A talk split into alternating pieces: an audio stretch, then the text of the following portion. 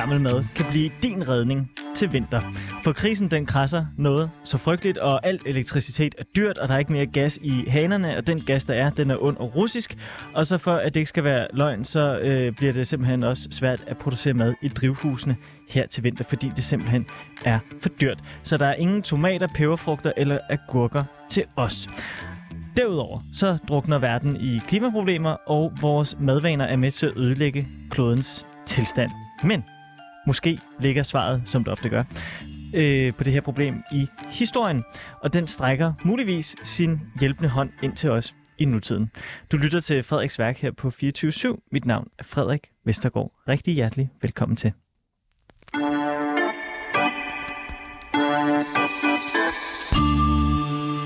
Nu skal vi simpelthen i en øh, næsten en hel time gennemgå øh, mad fra øh, historien og nogle historiske øh, krisetider.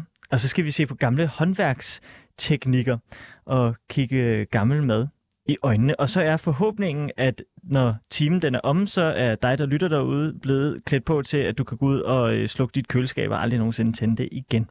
Og øh, med til at kigge ned i øh, madhistorien, der har jeg fået besøg af dig, Asmus Gamdrup Jensen. Velkommen til. Mange tak skal du have. Du er madhistoriker, og så er du øh, medejer af madudviklingsfirmaet Kost. Og så har du skrevet øh, historiespeciale om ost. Ja, det er rigtigt. Ostespeciale og specialiserede mig i sure kirsebær og kål og øh, ikke mindst stedstilknyttet mad. Ja, så du har skrevet om, hvordan Danbo fik sin EU-beskytningstitel. Øh, Ja, det er da i hvert fald noget, som jeg ved noget om. Ja. Øh, fordi lige præcis Danboen er jo sådan et, et forsøg på at forklare, at noget mad har en særlig tilknytning til nogle bestemte steder. Ja. Øhm, så det, det har jeg haft lidt med at gøre, ja. Spændende. Jeg, jeg synes, det, ja, nu er det jo ikke, fordi vi skal tale om dit speciale, men jeg synes, det er så fascinerende, at du har skrevet speciale om, øh, om, om ost, sure kirsebær og, og kål. Hvorfor lige den treenighed af, af skønne sager? Jeg vil sige, det var ikke sådan, at uh, træenigheden kom som en åbenbaring på en gang. Okay. Uh, det er sådan lidt hen ad vejen, at det startede, sjovt nok, så startede det hele for mig med sure kirsebær. Ja. Uh, og en lille smule ved en tilfældighed, tror jeg godt, jeg kan sige. Jeg så et program i fjernsynet om nogle folk nede på Lolland, Frederiksdal Kirsebærvin, som, uh, som lavede uh, dansk kirsebærvin på sure kirsebær. Og Ja. det synes jeg lød simpelthen så spændende, mens jeg studerede. Så jeg skrev til dem og spurgte, om de kunne bruge en uh, historiestuderende til et eller andet. Øh, og til min overraskelse, så øh, kunne de absolut det. De ville gerne vide noget mere om det her sure kirsebær, og hvordan det havde været brugt historisk. Ja. Og det blev sådan lidt startskuddet for mig. Øh, måske blev jeg også lidt overrasket over, hvor spændende jeg egentlig selv synes, det var at dykke ned i det. Ja. Min bagtanke var i virkeligheden, at jeg godt kunne tænke mig at prøve at arbejde med den vin i deres vineri. Øh, så det blev lidt en kombination af de to ting. Med hensyn til, øh, til ost, så øh, har jeg nogle gange sådan, hvis jeg er i en ny by, så kan jeg godt lide at prøve at, øh, at, at, at finde deres lokale ost. Altså hvis, hvis man er ude på ferie i Europa, ikke? Og så finde deres lokale ost. Fordi den lokale ost fra den by, du er i, siger alt om byen. Har du også sådan, bruger du også ost som sådan et, et pejlemærke, når du er ude at rejse? Ja, absolut. Det, det er der ingen tvivl om. Det er jo desværre et punkt, hvor vi ikke er helt så beriget her hos os, som Nej. for eksempel hvis man kommer til Frankrig og går en, Ja. et smut på markedet, så er det jo en, øh, en, en sjov oplevelse. At den leg er nemmere at lave syd for Køln, end den er nord for Køln. Ja, præcis ja. Men altså, havde vi nu lavet den leg der for 150 eller 200 år siden, så havde det faktisk været lidt sjovere Ja. herhjemme også. Fordi at vi havde engang en meget stor variation i vores madkultur fra sted til sted, og den er sådan ligesom blevet glemt eller gået tabt de sidste 150 år. Men nu, øh, ja, det, det kan være, at vi kan tale mere om det senere. Det, fordi, og det kan vi godt, fordi vi skal komme øh, meget ind på det, du allerede har nævnt nu med, øh, hvordan er vores, øh, vores mad var meget ejens øh, specifik engang. Øhm, inden vi dykker ned i fortidens mad, Asmus, hvorfor er, øh, er fortidens mad relevant i dag? Jeg tror, jeg vil sige, at øh, meget af min egen interesse i hvert fald udspringer af sådan en undren over nogle ting. Ja. Øhm, det kunne være en undren over, hvorfor det er for eksempel, at vi spiser så lidt fisk, når vi har utrolig meget kyststrækning og så meget vand omkring os. Eller sådan en undren over, hvorfor er det, der er så meget sild på, på glas, når man går i supermarkedet, eller hvorfor fylder, fylder øh, produkter på gris så forholdsvis mæssigt meget. Og mange af forklaringerne på den undren har rod i noget historisk. Øhm, så, så det synes jeg med, er med mange ting, at historien kan være med til ligesom at, at forklare noget nutidigt. Det er i hvert fald noget, som er en klar inspiration for mig selv. Hvorfor er der så så meget sild på glas? Ja, men altså nu er det jo sådan, at silden nærmest, øh, det siger man jo i hvert fald, var med til at, at grundlægge det store danske kongerige. Ja. Indtægterne fra silden var vigtige for hele ekspansionen under Valdemar-kongerne Ja. og, øh, og sådan Østersø-imperiet. Og her er vi i starten af 1211. Ja, det er, i- det i det Ja. område der, at Ja. silden virkelig har sin øh, storhedstid, Ja. og hvor vi tjener styrtende med penge på den. Og så de så kunne man sælge den til katolikkerne, når de skulle faste. Ja, det er jo nemlig det. Altså, det er jo noget af det spændende, hvor man... Altså, silden er jo med til at gøre, at man nogle gange kan forstå madhistoriens eller madkulturens bevægelser. Fordi at det er jo et eksempel på netop, hvor, hvor noget, hvor religion eller et skift i religion kan være med til at påvirke en efterspørgsel. Ja. For det er nemlig helt rigtigt, at, at da vi gik over i med reformationen fra katolicisme til protestantisme, så fik vi færre fastedage. Ja. Og som et led i det også, øh, hvad kan man sige, mindre behov for silden. Ja. Men det falder så samtidig med også sammen med noget skift i nogle temperaturer, så silden søgte længere væk fra kysterne, tror jeg, så de fiskeredskaber, vi havde til at fange den, var knap så gode. Der kom Okay. færre sild samtidig også. Så som altid, så er det jo sådan rimelig komplekst med den type forklaringer på, hvorfor ting forandrer sig. Men jeg kan godt afsløre, at sild kommer til at blive en hovedperson i dag. Ja, Og det silden, lyder den godt. øh, har været en følgesvend for danskere, øh, eller dem, der har boet der, hvor vi øh, bor nu, før det var Danmark. Øh, og, altså, den har bare været en følgesvend hele tiden. Ikke? Så den bliver vigtig øh, for os i dag. Men hvis vi skal prøve at kigge på krisens mad, for det grund til, at jeg har inviteret dig ind i dag, Asmus, det er jo fordi, at jeg kan se på det hele, at øh, vi kommer ikke til at kunne leve på den måde, vi gør nu. Ret meget længere. Fordi altså, nu kan vi ikke få danske gurker og tomater osv. Øh, til vinter, fordi at det bliver for dyrt for øh, drivhusejerne at holde det kørende øh, på grund af de stigende priser. Ikke? Folk kan ikke få øh, gang i deres gaskomfur, fordi gassen er russisk, og snart er der ikke mere af den. Og øh, kloden, den, øh, den, den, den brænder op. Så vi er jo i en ekstremt økologisk og gastronomisk, nej ikke gastronomisk, undskyld, kostmæssig øh, krisetid, eller vi er på vej ind i den, ikke?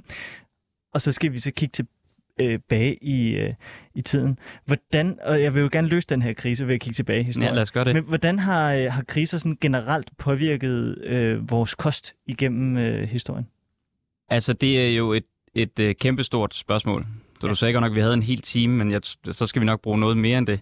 Men øh, det kommer lidt an på, hvad det er for en krise, vi snakker om. Fordi man kan også sige, lige nu, så har vi også forskellige kriser på én gang. Vi har en forsyningskrise og inflation, men vi har jo også en klimakrise samtidig. Og der er nogle af de der kriser, som er sådan lidt, lidt modsatrettet, kan man måske sige. Øhm, så man skal nok prøve at lave et lidt konkret nedslag for at lave et eksempel. Ja, meget gerne. Og det kunne jo være sådan noget som øh, 1300-tallet for eksempel. Ja. Det ser ud som om, at generelt i hele Europa, at forbruget af kød stiger øh, rimelig markant i løbet af 1300-tallet. Nå. Men det ved jeg ikke, om du har et bud på. Hvorfor, det? Hvorfor? Mm. Uh, jamen, uh. Hvorfor stiger kødet?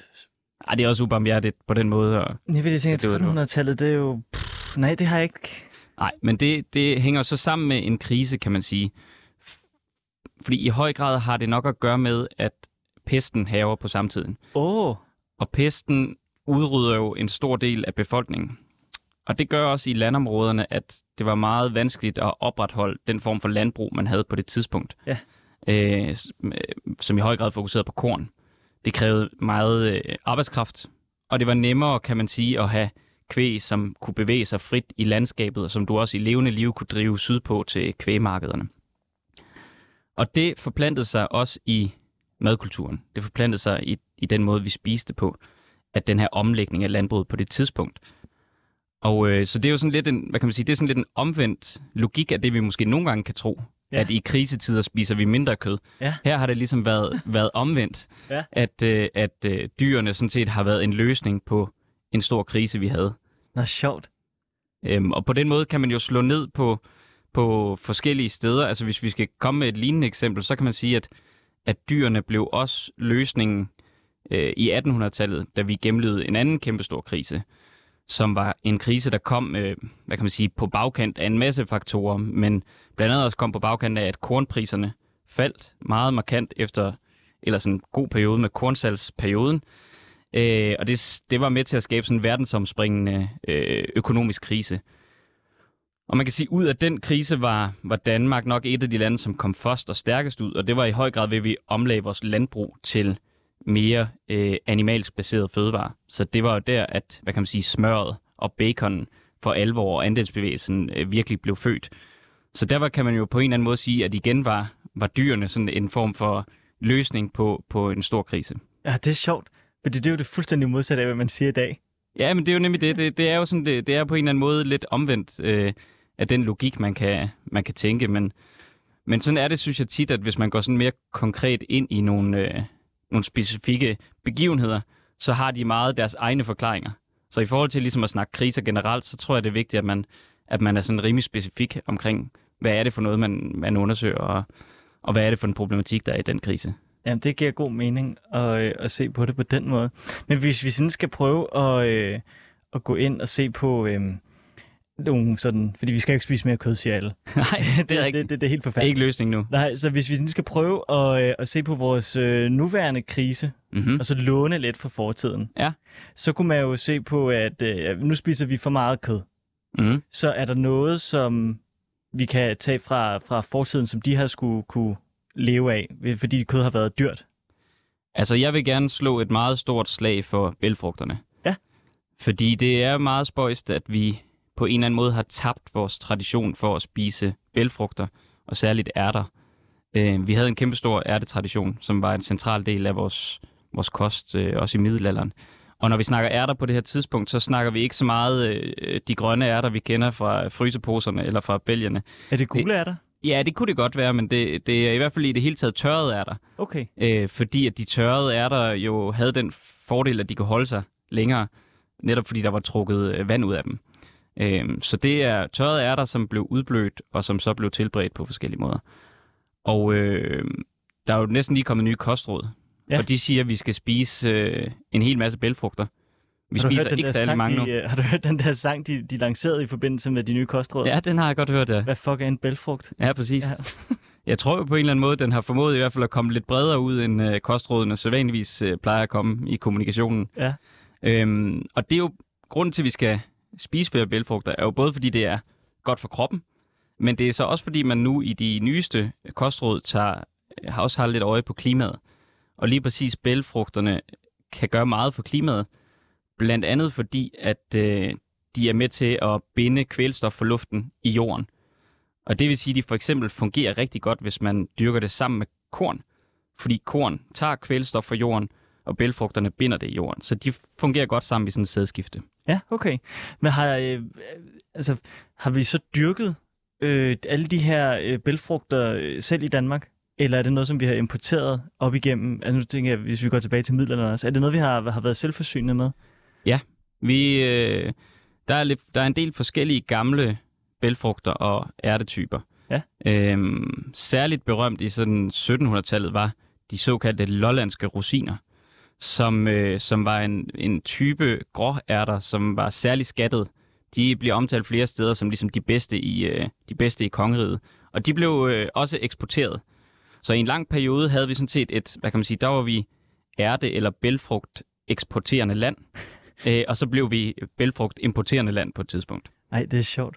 Det, det, det står jo i skærende kontrast til i dag. Ja, det må man godt nok sige, og det er jo, igen skal vi jo skal vi tilbage til, øh, til det her 1800-tal for for alvor at forstå den forandring, øh, hvor, hvad kan man sige, bælfrugterne mistede deres øh, herredømme, fordi at det falder cirka sammen med, at vi får en anden meget vigtig øh, plante, og det er kartoflen, oh, ja. som begynder at tage over som sådan basisføde, og så samtidig så er der så meget fokus på, at vi skal have foder til alt det her kvæg, som er vigtigt for vores øh, andelsmejerier. Øhm, og det kan kløver eksempelvis hjælpe på. Så der er en del øh, ærteproduktion, som bliver erstattet af kløverproduktion i stedet for.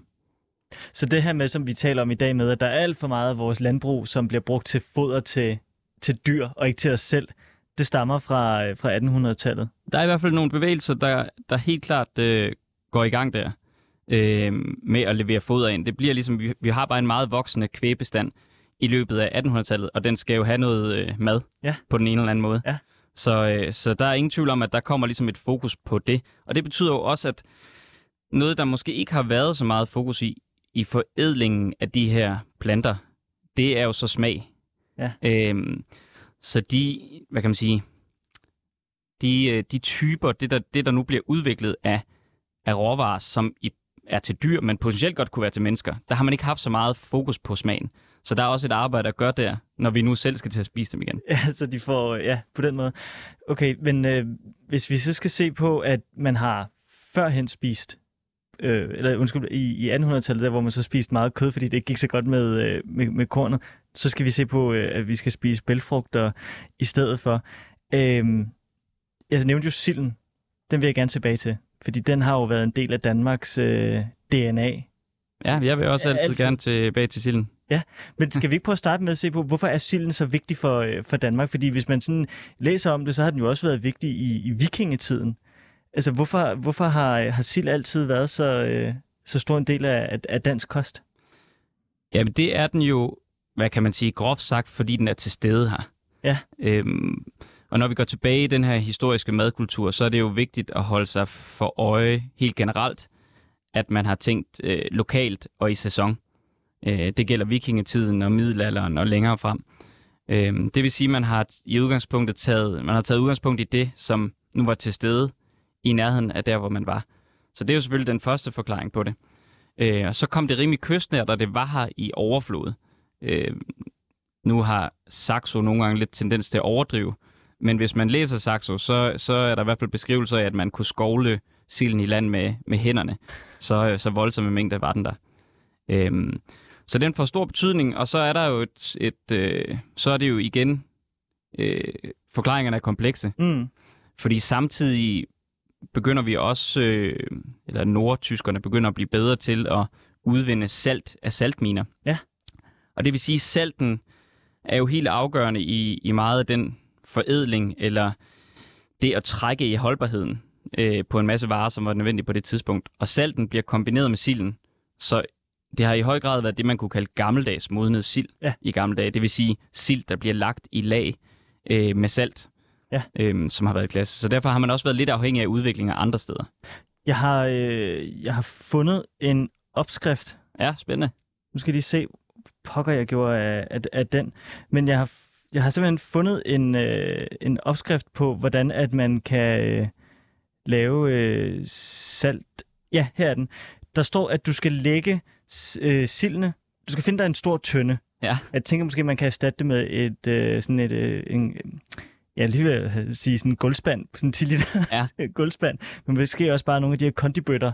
De koster ingenting. Nej, lige præcis. Øh, og så lægger man sildene, så skal man lige huske at fjerne indvoldene. Mm. Men så lægger man bare sildene sådan, så de ligger øh, head to toe, ikke? Jo. Og så et lag salt, et lag sild, et lag salt, et lag sild. Og så indtil der er top, og så er det bare at lægge det væk i tre måneder. Lige præcis. Og så Ja. kan det holde sig.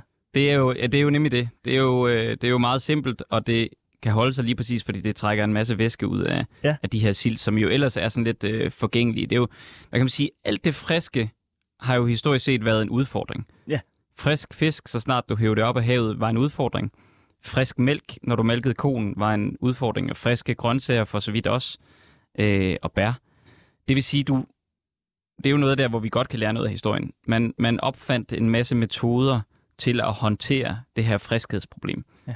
Og det er jo metoder som for eksempel netop at salte, eller at ryge ting, eller det kunne være sylte, eller fermentere det, øhm, eller tørre det.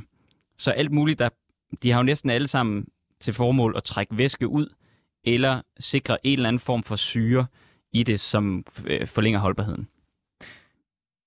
Med hensyn til, øh, til rygning, Mm. det jo også en kæmpe del af dansk kulturhistorie. Ja, absolut. Kulturarv, ikke? Ja. Alle de her, altså Bornholm Rygeøen, ikke? Hvor Jo. der jo i øvrigt hænger røget sild inde, ikke? Er det egentlig sundt at ryge mad? Ja, nu spørger du så en historiker her. Altså, øh, jeg er jo tilbøjelig til at sige ja, men jeg ved groft sagt ikke så meget omkring røg og, øh, og sundhed. Nej, Det må jeg erkende. grund grund til at spørge det, fordi jeg, t- jeg tænkte, det, det kunne måske være en af de lidt svære ting at hive med ind i nutiden, fordi det er svært for folk at stå og ryge selv. Altså, det, det kræver måske lidt meget plads. Ja, øh, måske gør det det, men altså, der er jo også rimelig simple små... Øh, nu har jeg selv fisket en del, og jeg ved, man kan købe nogle små rygeovne, man kan tage med ud, når man er på fisketur. Øh, og det, du kan jo sagtens lave mindre setup af, af, af rygeovne. Så Ja. det kan man nu egentlig sagtens gøre. Øh, men det er selvfølgelig svært, det er svært inde i en lejlighed. øh, og det ser måske også, måske, måske også lidt sjovt ud på altanen, hvis, der, hvis man lige pludselig begynder at ryge en masse fisk, og røgen ligesom strømmer over til naboerne. Jeg synes, der hvor jeg bor, der er folk, der ryger øh, værre ting end fisk. Ja. Vil jeg, sige, så jeg tror sagtens, Det det, ville kunne... Øh, ja. men, men prøv at fortælle, hvordan du gør, når du ryger en fisk i sådan en lille en. Jamen, øh, der er jo groft sagt øh, to forskellige... Det skal lige siges, at jeg ikke er røgekspert. Nå, men, nej, nej. Men, øh, men der er jo forskellige måder at ryge på. Der er jo koldrøgning, og så er der varmrøgning. Mm. Øh, og groft sagt, så, så at princippet er jo lidt det samme igen. Det udsættes for røg. Der er forskellige elementer, man har røget på. Øh, og, og groft sagt handler det igen om at, at trække væske ud. Fordi når røgen ligesom øh, omklamrer den her fisk her, så, så trækker det væske ud af fisken. Så det er groft sagt det, det, det, det handler om. Og det kan man så bygge i større eller mindre formater, øh, de her ovne her. Øhm, og der er jo også sådan, vores, vores ældste ost, som måske man kan sige har en lokal tilknytning hertil, er jo rygeosten. Ja. Øhm, og den har jo igen, det er jo, det er jo en frisk ost. Øh, så der har røgen også spillet en vigtig rolle i forhold til at, at forlænge holdbarheden på, på den type ost også. I øh, krisetider har man jo haft adgang til de her mængder af, af sild, historisk set. Men hvis man så ser på, øh, på, øh, på krisemad øh, i dag, så er, eller på mad i dag i en krisetid, så er sild jo faktisk ekstremt øh, øh, dyrt, når det så kommer på, øh, på glas. Så det handler om at købe de der øh, friske sild. der. Men tror du, at, at silden den, den kunne få en, en, en ny plads som altså bæredygtig og sund og virkelig øh, øh, god krisemad, hvor vi også får tænkt noget velsmag ind. Jeg har lyst til at sige ja, men øh, jeg er nok tilbøjelig til at sige nej. Nå. Og det er fordi, at øh, vi har, synes jeg, et grundlæggende problem i forhold til 2. verdenskrig for eksempel. Og det er jo selve madhåndværket. Vi, øh, vi har jo i et eller andet omfang mistet vores madhåndværk, øh, og det at være i stand til at håndtere ting i køkkenet. Og fisk er jo ikke det allernemmeste at håndtere i et køkken. Det kræver, at man øh, kan finde ud af det, man gør. Øhm, og det er måske, hvad kan man sige, det, det er måske vores største udfordring i den her krise, vi står over for nu. Fordi der er jo alle mulige greb, man kan lave med de her forskellige former for metoder, som vi lige har snakket mm. Om før. Øh, men det kræver, at man kan finde ud af det. Ja. Øh, og tidligere, kan man sige, der, øh, der lå øh, meget af den kulinariske visdom i høj grad hos en husmor, for eksempel. Øh, og de er jo øh, heldigvis, kan man sige, kommet ud på, på arbejdsmarkedet, men i den proces er der også en masse kulinarisk visdom, som til gengæld er gået tabt, uheldigvis. Så der er, lige lidt, der er lidt arbejde at gøre, tror jeg, med at, at uddanne først og fremmest øh, os til at kunne klare den her periode her. Og det var jo heller ikke sådan i krigen, altså det gælder jo både 1. og 2. verdenskrig, hvor der blev udsendt en masse pjæser om, øh, fra statens side om, hvordan man skulle håndtere øh, kriserne. Så det kan jo godt være, at det kommer igen, men det var jo netop også en masse forskellige råd til, til husmoren om, hvordan man kunne få tingene til at række længere, end, øh, end man ellers gjorde. Du nævnte fermentering og, øh, og, og, og sylte. Er det noget, som er opstået i krisetider, eller er det noget, der er opstået på, altså på fornødenhed, fordi man simpelthen ikke har køleskabe? Jeg tror jo, alle de her... Øh, man, kan, man kan måske sige, at om, om selve det, man ikke har haft køl og køleskabet, er en eller anden form for permanent krise, man har været i. Øh, man har i hvert fald hele tiden haft den udfordring, der var, at, at vi i Danmark, synes jeg godt, man kan sige, har haft to overordnede sæsoner i gamle dage. Vi havde ligesom en, en sæson, hvor der var overflod.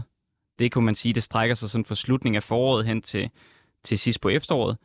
Og så har vi haft en, en voldsom mangelperiode, som var igennem vinteren. Og meget af, af, af livet øh, på gårdene handlede på en eller anden måde om at sikre sig mod mangelperioden. Og det handlede om at kunne, kunne få tingene til at strække længere tid. Og alle de her metoder har, har været greb, man kunne lave i forhold til den store opgave, det var at komme igennem øh, vinteren. Så, og det er jo på en eller anden måde en, en krise, kan man sige, der bare, har været, øh, der bare har været permanent. Og så er det jo sådan med de her metoder, også øh, i hvert fald tørring og fermentering og syltning, at det er jo nogen, der de går rigtig langt tilbage. Så det er sådan lidt svært at pege på opfindelsen af dem øh, et sted, også fordi vi kender dem fra alle mulige steder i verden på samme tid. En af de ældste øh, sådan, øh, fermenteringsformer, som virkelig har fået sådan et, øh, et, et opsving nu, det er jo øh, noget til, hvis vi så går vi helt tilbage til, til romertiden, og det er garum. Ja, Kender du det? Ja, det kender jeg faktisk rigtig godt. Altså, øh, Det er lige før, jeg vil tro, øh, at det var noget, vi havde snakket om på forhånd. For jeg bruger rigtig meget tid på, på garum faktisk. Bruger du tid Øh. på garum lavet på øh, fisk eller på, øh, på, på planter? Altså i min optik, så kan det jo kun være lavet på fisk. Okay. øh, som historiker. Nu ved jeg godt, øh, at Noma og, og andre også er gået i gang med at lave, øh, lave garum i dag, hvor at man strækker lidt øh, garumbegrebet, vil jeg sige. Okay. Øh, men, men du har helt ret i, at i gamle tider, og lige præcis i Romeriet, der var garum jo nok det, det vigtigste, øh, den vigtigste smagsgiver i smed det romerske køkken. Ja, de smed lige præcis på alt, ja. og det blev jo produceret i sådan nogle store anlæg, der lå langs Middelhavet, og så blev det fragtet i amforer til, til Rom, og havde netop øh, høj værdi, og der var mange forskellige former for garum, som, øh, som også kunne udbetales i løn til soldater, og det havde meget stor værdi på alle mulige måder. Men hvad er garum, hvis man sådan skal se på det sådan helt... Øh, altså, er det bare rådne fisk i en, øh, i en tønde?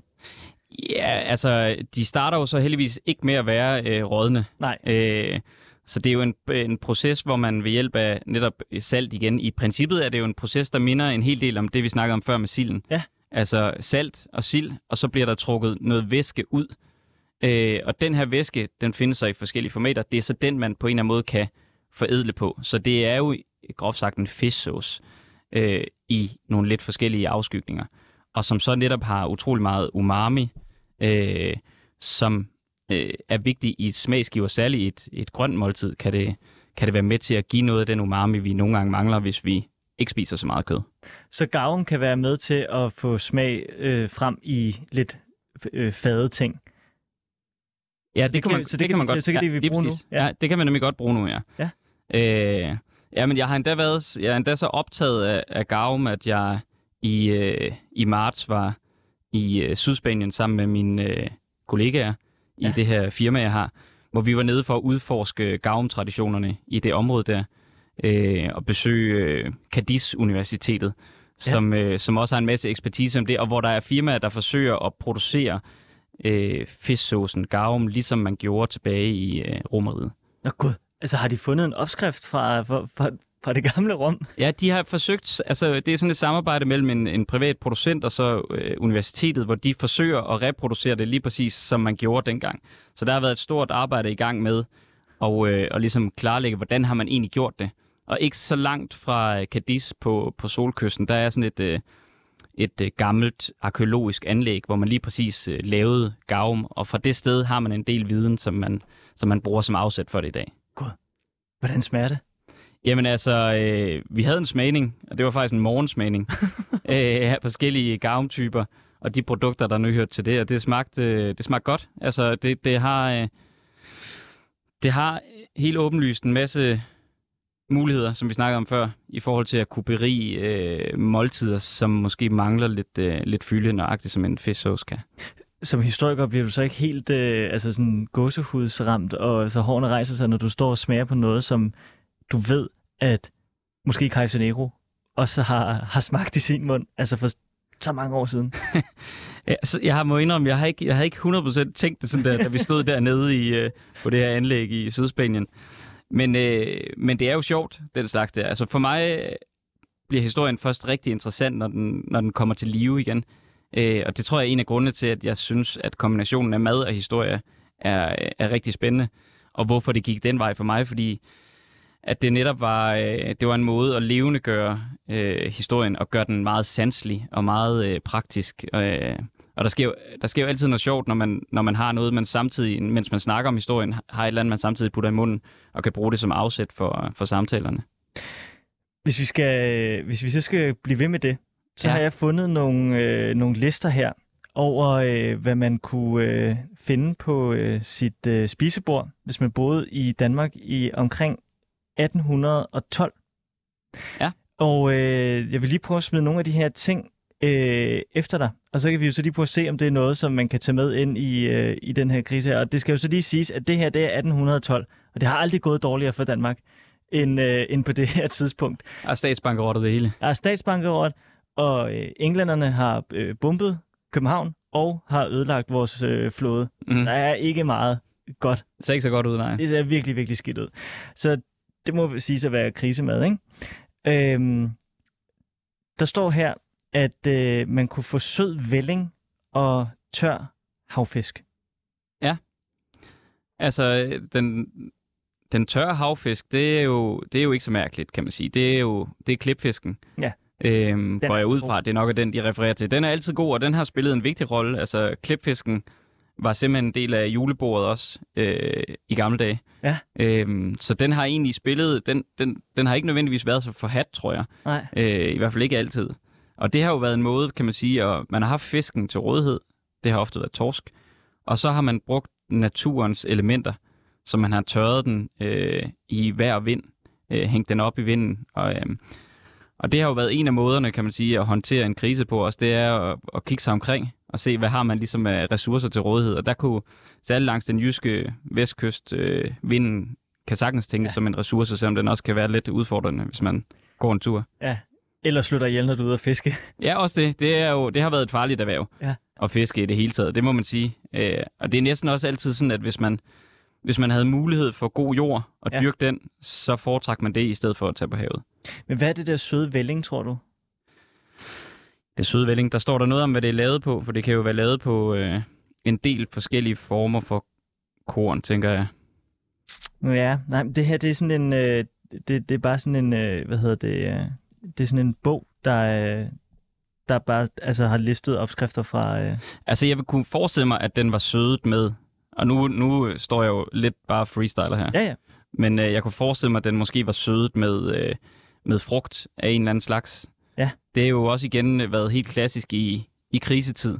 Ja. At noget af det, som man har gjort i krisetid, det er at tænke på naturen også som et spisekammer. Ja. Øh, man har gået ud og plukket, hvad der var af frugt og bær, og man har plukket nødder, og man har måske også øh, plukket svampe, øh, når det var den tid på året, som det er nu. det er en god tid. Det er en fremragende tid, ja. Okay, så det med vælling der, det kan vi ikke rigtig komme så meget nærmere.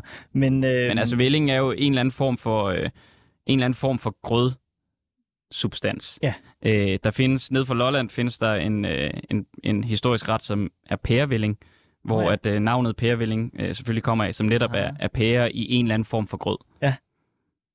Jamen, det giver god mening, så lad os bare sige, det er det, er det Det er ikke? en sødgrød, ja. Så en sød grød med rigtig tør Ja. fisk. Så øh, er der øh, øh, kål, gåsekød og flæskepandekager. Altså, der er der i hvert fald nogle ting, vi sagtens kan lære af der i dag også, vil jeg sige. Øh, ikke mindst kålen. Ja. Øh, kål har jo den fordel, at der er utrolig mange forskellige varianter af den. Og den, fordi der er det, så er der næsten altid en kåltype, der kan spises hele året rundt. Så det er en af de, øh, hvad kan man sige, ting, der gror rigtig godt hos os, og som vi har øh, adgang til, hvis vi ellers har en køkkenhave. Og ellers så må vi jo gå i supermarkedet, men som kan spises i sæson næsten hele tiden. Og man kan sige, at grønkålen har jo været en af de helt afgørende grøntsager til at få os til at overleve i de her øh, trange tider, fordi den netop er frosttolerant. Ja. Og det vil sige, at den kan stå i køkkenhaven, og så kan den stå med lidt sne på, og så kan du gå ud og plukke den og lave dig en, øh, en grønkålsuppe. Og som måske grønkålsuppen har måske været den, nu en påstand og siger, at det er måske den mest spiste øh, ret historisk set øh, i Danmark. Og det er jo netop fordi, den har været, grønkålen har været til rådighed i stor stil. Vi skal, vi skal også kigge på, øh, på 2. verdenskrig, hvor et også... Men prøv, altså, den, altså det, det, jeg tror, det er det eneste, der fik danskerne igennem besættelsen. Det er de koldeste vintre i, øh, i det 20. århundrede, det var under krigen, under besættelsen. Ja. Og der er det eneste, der har kunne klare minus 20 grader, det har været grønkålen. Ja, præcis. Jamen, den har en kæmpe, kæmpe fordel. Den er virkelig Øh, vores ven. den er virkelig vores ven, ja. Rosenkålen kan noget af det samme, Ja. men øh, grønkålen er absolut vores ven. Og så er den også ernæringsmæssigt næsten jo komplet. Det er jo nemlig det. Ja. Den er jo gået hen og blevet en øh, såkaldt superfood. Ja. Øhm, så den er rigtig god for kroppen også. Jeg tænker, gåsekød, ikke? den er jo også okay øh, til det, Ja. fordi det kan jo være vildt gås. Det, det er jo jo ikke nemlig- at være opdræt. Det er jo lige præcis det igen med jagten, ikke? Altså at, øh, at finde, hvad der er i naturens øh, spisekammer tæt ja. i nærheden af os. Så den synes jeg, den køber vi også. Flæskepandekagen, den kan vi jo ikke købe. Nej, det du mener med grisen. Præcis. Er den svær? Ja. Nej, det er selvfølgelig rigtigt. Altså grisen har lavere øh, aftryk end øh, koen for eksempel har, eller oksen. Øh, det vi i hvert fald skal måske tænke, hvor jeg synes personligt, at det godt kan gå, det er jo, man en måde at spise mindre kød er at tænke kød som andet end hovedsubstansen Mm. i dit måltid. Så i stedet for at tænke kød som en form for krydderi, altså en smagsgiver, Ah ja. Øh, og der kunne det måske godt være, at, at øh, flæsken Øh, den har jo virkelig spillet en rolle i alle mulige retter. Også i grønkålssuppen, hvor du tit kogte det med et stykke flæsk, Ja. som var røget og saltet. Øh, har i virkeligheden fungeret som smagsgiver mere end hovedbestanddelen. Så har jeg også, øh, det her, det, der håber jeg, at du med din oste, dit mm. ostespecial kan komme til hjælp. Sur ost med sødmælk, og så igen tør fisk. Ja, Sur ost. altså, øh, jeg ved ikke 100% hvad den sure ost øh, kan dække over. Men jeg kunne forestille mig, at det er en ost, der har fået lov til at stå rigtig længe, fordi så udvikler de jo netop en masse syrlighed og sådan Altså, det er ammoniak. yoghurt-agtigt, måske. Øh, Jeg vil faktisk tro, det måske mere er ost, der har fået lov til at stå i en krukke, Okay. eller noget i den retning, og bare fået lov til at få en masse tid, fordi så, så bliver den ligesom syrlig. I virkeligheden, så jeg tror, det er, fordi vi spiser så meget danbo, at vi ikke tænker over det.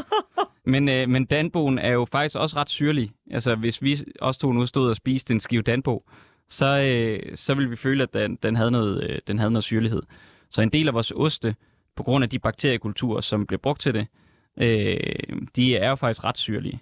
Ja, fordi her i øh, sommer, hvor jeg var på øh, ferie i øh, Albanien, så fik jeg noget ost, der var lavet af en ko, der bare gik rundt om huset, vi boede i. Ja. Og der, lavede de, der gik de ud og malkede den, og så lavede de øh, ost af det, ikke? Det var Ja. så syrligt. Ja, det Altså, det var sådan ja. helt nærmest citronagtigt syrligt i munden. Okay, Det var, det var ret... smagte det godt? At man lige havde vendt sig til det. Ikke? det er jo det. Den sidste ret her fra 1812, som jeg lige vil, øh, vil vende med dig, det er øllebrød og kogte kartofler. Ja, så nu, øh, nu bliver min mor glad. Ja. Øh, fordi at hun, øh, øh, hu- hun laver en fremragende øh, ølbrød. Og den går ligesom, den, har, den vil hun helt sikkert slå et slag for i dag, som, øh, som værende rigtig vigtig. Øh, fordi det er jo oplagt med robrødsresterne, man har. Og det er jo en meget simpel ret, og, øh, og den kan jo trækkes i mange forskellige retninger. Men som sådan en, en, øh, en dessert på en øh, kold vinteraften, så holder ølbrød stadigvæk. Vil du også spise det med kartofler til? Ej, det er så ikke den servering, jeg har været, øh, været vant til. Men altså, man kan sige, de er, de er for så vidt øh, fremme i skoene der, fordi det er først der omkring, at kartoflen sådan for alvor er ved at vinde fodfæste. Ja. Øhm, så, så det er godt at se, at den er kommet med her i 1812 også. Okay, så hvis vi kan lære noget af den helt store krise fra 1812, så er det øh, kål, øh, jo egentlig også øh, øh, klipfisk, Mm. og øh, så øh, vil du gerne slå et slag for, øh, for øllebrød. Ja.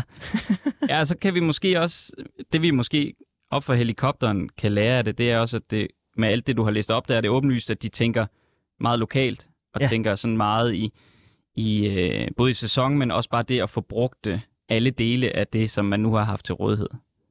Prøv at fortælle os det her med, som du sagde i starten, øh, inden vi hopper videre til krigen. Så du Ja. sagde i starten med, at det havde været sjovere at rejse rundt gastronomisk i Danmark for 200 år siden. Ja, men øhm, det synes jeg jo, det har været. Det er der jo lidt forskellige forklaringer på. Man kan sige, der var jo engang, at, at øh, bakteriekulturen fra det sted, hvor øh, man nu producerede, Mm-hmm. øh, havde mere indflydelse. Øh, inden at det hele blev øh, sådan mere standardiseret, har tingene smagt forskelligt alt efter, hvor man var. Men der har også bare været en masse retter, som har taget afsæt i det sted, øh, hvor man befandt sig. Altså vi har jo sådan lidt en tendens til, tror jeg, i Danmark at tænke, at vi er så lille et land, så vi har svært ved sådan at forestille os de helt store variationer. Øhm, og så er det nemmere at tænke på Frankrig, og der kan vi nemlig godt se, når vi rejser rundt, så er der forskellige oste fra marked til marked. Men, men den, den kultur har vi sådan set også haft, øh, og, og der er en grund til, at det er i Vestjylland, man i høj grad har produceret kartofler, for eksempel i forhold til jordforholdene. Der er også en forklaring på, at alt vores øh, frugtdyrkning ligger langs kysterne stort set, også den dag i dag. Det er fordi, at der langs kysterne er færre frostdage på nogle kritiske tidspunkter i foråret. Øh, så det vil sige, at de egner sig til de steder. Og sådan er der sådan set en masse ting, som engang var meget mere dominerende. Øh, men vi har tjent, det var i hvert fald ideen, en masse penge på at lave et dansk brand, kan man sige. Vi solgte dansk smør, dansk bacon, og gjorde det med kæmpestor succes. Øhm, og den model med ligesom at tænke i, at vi skal have lavet et ensartet dansk produkt, blev styrende for vores øh, fødevareproduktion. Øh, den der, sådan, hvad kan man sige, lurmærkningsopskriften, hvor man forsøger ligesom at finde en fælles opskrift for, hvordan alt smør skal produceres, den forsøgte man egentlig at gentage på alle mulige måder. Så, så vi har vi valgte en vej i Danmark, kan man sige, hvor vi fokuserede meget på at gøre det ens, hvor man i Frankrig valgte en anden vej, hvor man forsøgte i stedet for at dyrke de lokale forskelle. Og det er jo bare to forskellige veje, men det er også, øh, hvad kan man sige, det er også et tegn på, at det kunne godt have været en anden vej, vi havde valgt. Den gav bare rigtig meget mening for os på det tidspunkt. Gav den mening for os, fordi at vi var trætte af, at tingene smagte forskelligt, eller at øh, der gik et eller andet galt i, i, i, i processen, så derfor så var det federe, at der bare var to firmaer, der bare kunne lave det samme produkt til alle, uanset hvor du var henne. Altså jeg tror jo, man skal i hvert fald se det som, at øh, det var afgørende for os at eksportere. Mm. Og det vil sige, at tingene skulle også kunne holde sig, smøret skulle kunne holde sig til at komme et smut til England. Øh, og man analyserede sig ligesom frem til, at den engelske forbruger ikke rigtig havde noget ud af, om der var forskel på smøret fra Varde til Ringkøbing eksempelvis. Så der er i hvert fald noget med, at vi har henvendt os rigtig meget til et eksportmarked. Ja. Men så kæmpede man selvfølgelig også, selvom den var en kæmpe fordel i mejerierne, bakteriekulturen, Ja. så kæmpede man også med den, øh, fordi at den også gjorde noget beskidt, og gjorde, at øh, kvaliteten svingede rigtig meget. Og det vil sige, at man indførte pasteurisering af mælken. Og det var jo, det har jo den konsekvens, at du slår bakterierne ihjel. Men du skal bruge bakterierne for at lave ost og smør. Og det vil sige, at man tilsat bakterier igen. Det er det, man gør. Øhm, og i den proces, så udviklede man ligesom en standardiseret bakteriekultur. Det vil sige, at alle mejerierne tilsatte den samme bakteriekultur. Og det gav jo rigtig god mening, når man gerne vil lave det her ensartede øh, produkt. Og det løste ligesom nogle, hvad kan man sige, nogle øh, hygiejniske problemer, som man helt klart også havde. Fordi der var også øh, en masse tuberkulose i kvægebesætningerne, og der var nogle ting, man, man kæmpede med på den måde. Så det har jo løst nogle problemer. Og så er det bare blevet en standard for, den, for hvordan man har gjort nogle ting fremadrettet derfra. Og så glemmer vi måske nogle gange, hvad det er, det har opstået ud af, Ja. øh, når vi så står her i dag. Ikke? Jo, fordi jeg har tit tænkt på, sådan, hvorfor fanden har vi kun... Altså, Ja. hvorfor, hvorfor smager det helt ens? Ja. Men øh, nu synes jeg, vi skal prøve at kigge på krigen. Ja. Grunden til, at jeg lige tager min computer helt op til hovedet, det er, fordi jeg har fundet sådan et, et lille udklip her for noget, der hedder Middagsplan med kødløse retter fra Ubladet Hjemmet Ja. 1941. Sådan. Det, og det skal jo lige siges, jeg ved godt, at vi ikke har rationering endnu. Jeg ved godt, at man kun må købe så og så Nej. meget olie per person. Men det skal lige siges, vi har jo ikke rationering nu, men det kan være, der er et eller andet her. Men der var en ret, som jeg virkelig som faldt i øjnene, fordi det lyder som om, at den kunne være på mange caféer rundt omkring i Ja. Danmark nu. Spændende. Øh, blomkåls frikadeller. Ja. Og Absolut. øh, det er lavet på øh, et blomkålshoved, Ja. et halvt kilo kartofler, Ja. to æg, de er så også lidt dyre nu, øh, rasp, det er jo godt, Mm-hmm. mm. gammelt tørt brød, ikke? Absolut. Øh, og så salt og de krydderier, du nu har. Jamen altså, øh, der er jo en del inspiration sådan set at hente i noget af det kødløse. Altså, vi er jo også bare blevet så utrolig vant til at tænke kødet først. Ja. Øh, og det behøver man jo absolut ikke. Øh, der er jo en del retter, som hvad kan man sige, er rimelig øh, kødtunge, øh, som lad os sige en bolognese eller en chili con carne eller et eller andet, som vi spiser meget. Hvor at jeg vil våge den påstand, at, at det ikke øh, vil være så mange, som nødvendigvis lagde mærke til, hvis du udskiftede halvdelen af kødet med linser eller Nej. lignende. Ikke? Øh, Så der er, der, der er masser af inspiration at hente der, og det kan jo også være, at det i virkeligheden er lidt tiltrængt for os, det her. Ja. At vi lige øh, gentænker den måde, vi spiser på. Du kan jo lige prøve at høre her i, i 1941, hvor at øh, de, de lavede den her, øh, de her øh, hvad hedder det, opskrifter her. Ja. Der står, at øh, det kan godt hende, at man på en hel uge er afskåret fra at få kød. Ja. Enten på landet eller i byen. Giv så denne uge kødløse dage, og server som en anden ret tykmælk, frisk frugt, kernemælk eller lignende. Pak grøntsagerne ind i fugtige rabarberblade, så holder de så længe friske. Igen, køleskabet, ikke? Det skal Mhm. mm-hmm. slukkes. Præcis. Opskrifterne er til 3-4 personer. Altså, jeg synes jo ikke, det lyder så skidt endda. Nej. så er der en hvidroret med spinat. Lige store hvidroer skrælles, koges møre og udhules. De udtagende pyræer, øh, det udtagende pyræer og blendes med lige så meget dampet og hakket spinat. Smages til med salt og sukker. Når en æggeblomme er rørt i, fyldes det i roerne. Det sættes i gasbageform eller i ovnen og hældes med lidt smeltet smør og gemysesuppe og drysses med rasp og bages i 10 minutter. Sjovt. Altså, det er jo meget sjovt også, øh, øh, fordi det er jo en ting, vi ikke har snakket så meget om, det er jo så teknolo- teknologien Ja. og de der opfindelser, og lige præcis den her gasbageform var jo sådan en, øh, det var en form, du kunne sætte på dit øh, gasblus. Ja, jeg har faktisk taget den med her. Nå, har du jeg har et det? billede af den her. Ja, ja, lige præcis. Så kunne man sætte den på gasblusset, og så fordelt den ligesom varmen, og så øh, kan man sige, så kunne du bage på blusset, Ja. i stedet for at skulle tænde øh, gasovnen, som brugte mere gas. Ja. Øh, og på den måde kan teknologien jo også hjælpe os med en masse af, af de her ting. Ja, fordi jeg har også taget høkassen med. Ja, den, øh, den kommer vi ikke udenom jo. Nej, prøv at fortælle om den. Jamen, øh, øh, grundlæggende, så kan man jo sige, det, det er jo en kasse, isoleret kasse, som gør, at du øh, kan slippe for at have ting så lang tid på dit blus. Øh, der er måske stadig mange af os, som kan, kan huske vores bedste forældre, der, der tilberedt for eksempel risengrød under dynen, Ja. og også mente, at det blev øh, smagt bedre, når det blev gjort på den måde der. Øhm, og det er jo et resultat, kan man sige, øh, det er jo det samme som, som høkassen, det dynen kan. Ja.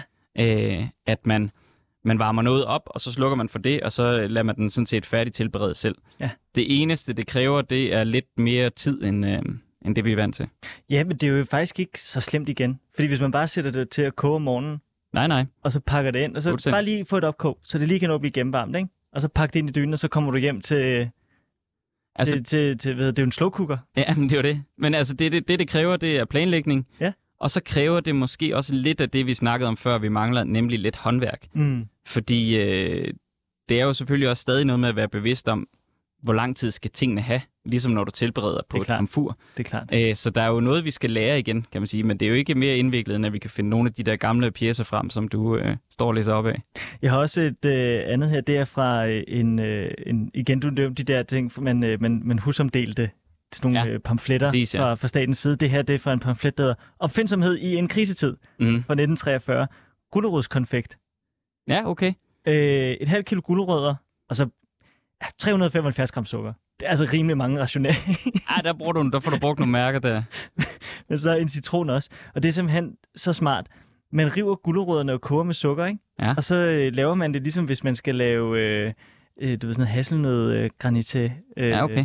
Hvor du så øh, øh, koger det ind til en sirup, og så bliver, det- hælder du det ud og lader det størkne ved stuetemperatur. Og så kan du skrave det og rulle det. Ja, okay. Det, det er, den er ny for mig, den der. Ja. Øh, Jeg tænker ikke, den bliver et hit. det kræver lidt arbejde også. Øh, så har jeg den her, det er måske den mest absurde, øh, absurde af dem alle sammen.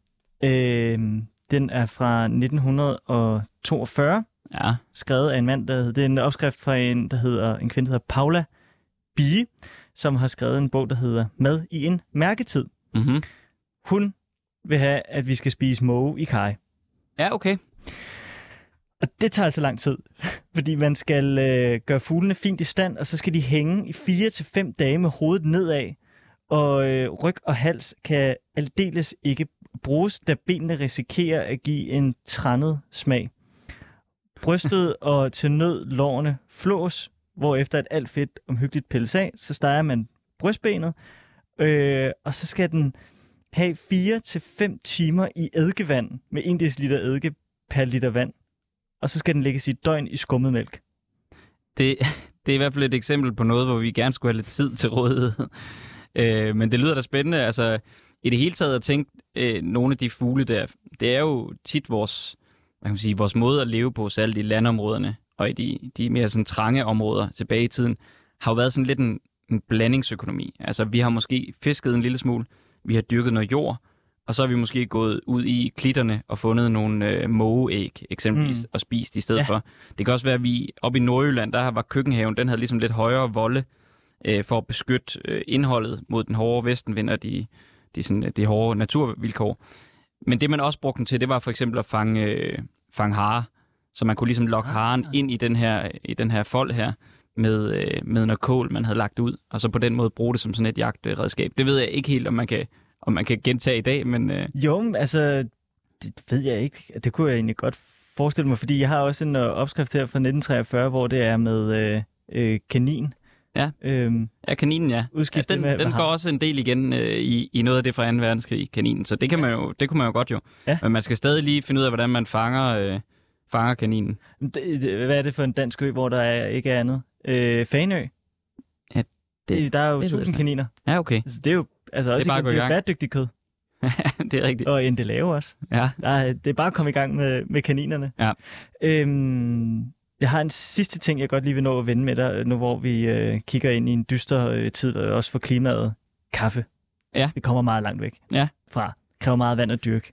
Ja, kaffen, altså nu er jeg selv øh, meget øh, kaffeglad, Ja. men øh, man kunne godt frygte, at kaffen, øh, eller det er den jo på vej til at blive en af de store næste syndere, vi skal, vi skal have fat i, og den kommer nemlig langt vej fra, og det er jo også noget, man netop under krigen, 2. verdenskrig, øh, øh, der hurtigt med Atlanterhavshandlen blev lukket ned for. Mm. Øh, så det er jo noget af det, hvor, hvor man netop fandt en masse erstatningsprodukter for det.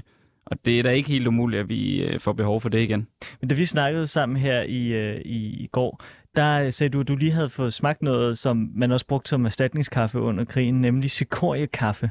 Ja, lige præcis. Hvordan smager det? Altså, Jamen, øh, det smagte jo måske øh, lidt mere grønt. Det smagte faktisk ganske udmærket. Øh, jeg, jeg var så heldig, at der var en, en mand, der kom forbi kontoret og serverede os øh, en cikorie-kaffe. Okay, så det var altså Øh, gourmetudgaven, og ikke... var- øh, Det var så øh, gourmetudgaven, ja. Han, havde ligesom, han, han er i gang med at udvikle et, øh, et nyt produkt øh, på Sikoria, øh, som, hvad kan man sige, som netop trækker tankerne hen til, til kaffe af en art. Og det smagte faktisk udmærket. Altså, hvis du går, øh, hvis du går på de finere restauranter og beder om at få en kop kaffe, så, så får du jo også en lidt anden kaffe i dag, end du får, øh, hvis du drikker den øh, på en eller anden gård et sted. Fordi den er, den er gerne ret, hvad kan man sige, lidt tynd og grøn, hvis man kan sige det sådan, kaffen du får på, på restauranterne her i København. ja, det er et Øh, livsfristet, der er det seje. Det er jo nemlig det, og der tror jeg egentlig godt, at cikorien, den, kunne, øh, den kan noget af det samme. Og hvis øh, man bare sælger den som Ja, lige, ikke? Jo, lige præcis. Ja. Altså, fordi det er jo det, du kan jo, du kan jo ligesom med kaffe, så kan du styre din ristningsgrad. Ja. Øh, og styre, hvor længe den trækker. Så, øh, så den har noget, øh, noget potentiale. Men jeg ved ikke, hvordan det står til med det, vi også godt kan lide, som er koffeinen. Men der kan man jo få koffeinpiller. Ja, det er rigtigt. Nå, men øh, jeg, jeg synes ligesom, at vi har, vi har fået samlet os nogle gode ting fra, fra de her krisetider. Det vigtige er altså at tænke lokalt, Yes. årstidsbestemt, meget vigtigt. Ja. Ikke nogen af spars fra Mexico i øh, februar. Nej, det er der ingen grund til, og det, det gælder jo også lidt på den her problematik med tomater og agurker. Ja. Øh, Skal vi have det i januar? ja, det er jo det. De smager Behøver jo vi ikke engang godt. Nej, det er nemlig det. De er ikke gode på det tidspunkt, og de er jo altså til stede, fordi de, altså hvis, i hvert fald hvis de er herfra, fordi de er dyrket i et drivhus. Ja. Øh, så der kan man jo prøve at tænke på nogle af de øh, grøntsager, vi rent faktisk har, som ikke behøver at komme ind fra et drivhus. Så det kunne for eksempel være kålen, som vi har fat i. Kålen og græskaren. Ja. Øh, og så øh, er der også masser af opskrifter derude på at sylte tomater for eksempel, ikke? Jo. mens de er i sæson. Ja, lige Ligesom præcis. i, øh, Ja, tænk det på den måde, og så selv øh, øh, strække sæsonerne ved, de, ved hjælp af de her forskellige metoder. Og så, det er jo det samme med bær. Det når vi så ikke at, øh, at, at, at tale om her.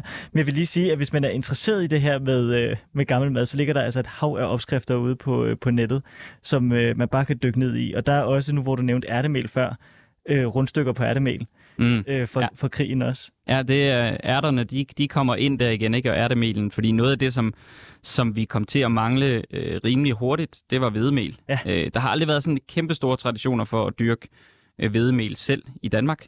Øh, og der blev hvedemel netop erstattet ret hurtigt af andre former for meltyper, rumel, bygmel, ærtemel. Og nu kan vi heller ikke få vedmel på grund af Ukraine. Nej, det er jo så det. Men øh, Asmus Gamdrup Jensen, tusind tak, fordi du ville komme herind og øh, tale om krisemad med mig. Det var en kæmpe fornøjelse. Velkommen.